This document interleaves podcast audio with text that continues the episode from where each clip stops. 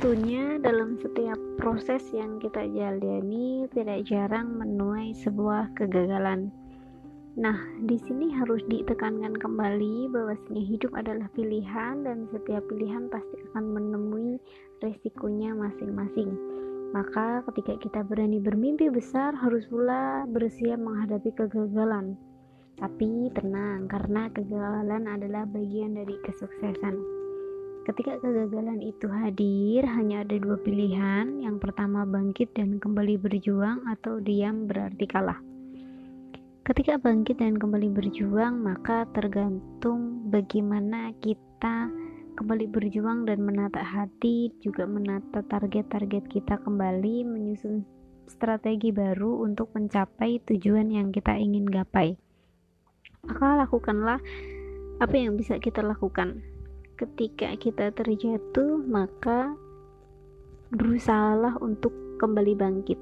Ketika kita sedang terbaring uh, kita nggak boleh berhenti kita nggak boleh pasrah karena kita masih punya jari jemari kita masih dikasih nikmat sehat dari segi mata kemudian akal pikiran juga masih sehat dengan kemudian kita kaitkan dengan era industri 4.0 di mana kita akan tetap bisa beraktivitas mendakwahkan Islam meskipun sedang terbaring sakit kemudian nggak bisa jalan kayak gitu-gitu ya. Itulah kemudian pentingnya rasa syukur.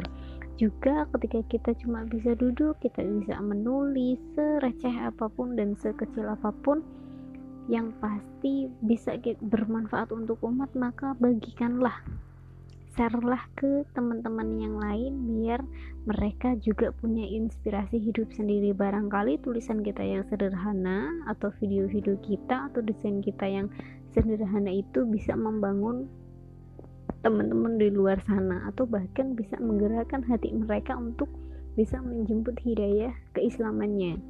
Bukankah itu sesuatu yang luar biasa dan investasi jariah yang masya Allah. Nah karena pemenang sejati adalah orang-orang yang mau berjuang meskipun berkali-kali gagal.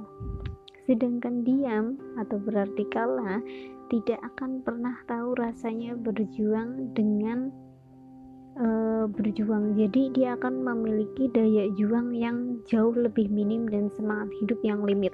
Nah, ini bahaya terutama bagi pengemban dakwah. Ingat, bahwa semua akan dimintai pertanggungjawaban. Persoalan hasil itu adalah wilayah Allah yang kemudian yang harus kita lakukan adalah doa, ikhtiar, dan nawakal. Ketika hasilnya nggak sesuai harapan, it's okay, why not? Kenapa? Nggak apa-apa. Karena hasil adalah kode Allah dan yang akan dimintai pertanggungjawaban adalah usaha kita. Nah, kemudian tetaplah menjadi produktif. Berapapun usia kita, apa pun keadaannya kita lakukan apa pun yang bisa kita lakukan hari ini. Asah potensi kita, gali, temukan potensi dan gali potensi itu menjadi ciri khasnya kita, kemudian itu menjadi hal satu hal yang kemudian bisa membentuk mindset masyarakat atau masyarakat uh, membentuk mindset orang lain. Dengan kekhasannya kita dengan kebaikannya kita jadi nanti ketika kemudian kita meninggal atau uh, ketika kita udah nggak ada di dunia kita akan digaungkan oleh penduduk bumi dan penduduk langit insya Allah. Uh, dengan ciri khasnya kita. Hari ini kita bisa lihatlah misal ada teman-teman yang dia dulu semasa hidupnya mendakwahkan dengan kata-kata yang manis pasti akan dikenal oh dia si fulan atau fulanah yang dulu selama hidupnya berdakwah dengan cara seperti ini. Dia ahli zikir.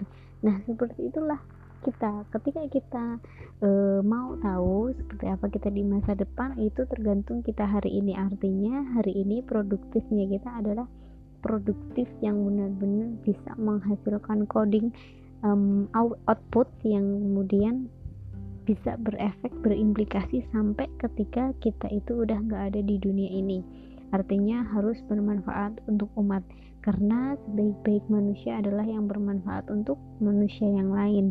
Dikutip oleh sebuah hadis riwayat Ahmad At-Tabani dan ada rukuni nah di sinilah sesuatu yang luar biasa itu bisa kita capai ketika kita mau mencoba dan kita mau berusaha untuk bangkit maka di sini saya akan mengajak teman-teman untuk menjadi muda yang produktif dan menua aktif. Artinya tetap berdakwah apa pun keadaannya dan bagaimana bagaimanapun dan kapan pun untuk e, diri kita sendiri dan untuk umat untuk Islam untuk pengabdian kita sebagai hamba yang kemudian bertakwa mengamalkan eh, kewajiban-kewajiban kita sebagai seorang hamba produktifnya secara kebaikan berbagilah sekecil apa pun itu. Pesan saya teman-teman semua di sini nanti bisa ke, uh, dari semua paparan materi yang telah diberikan bisa kemudian uh, mengetuk salah satu pintu hati teman-teman di mana teman-teman ketika hari ini sedang ada yang terjatuh ketika hari ini ada yang sedang uh, lumpuh atau kemudian berngedown yang tadinya berlari jadi berjalan bisa kembali menemukan something dalam hidup dan bisa kembali berproses mencapai tujuan yang kita rancang di waktu sebelumnya untuk menentukan siapa kita di masa depan termasuk menjemput surga impian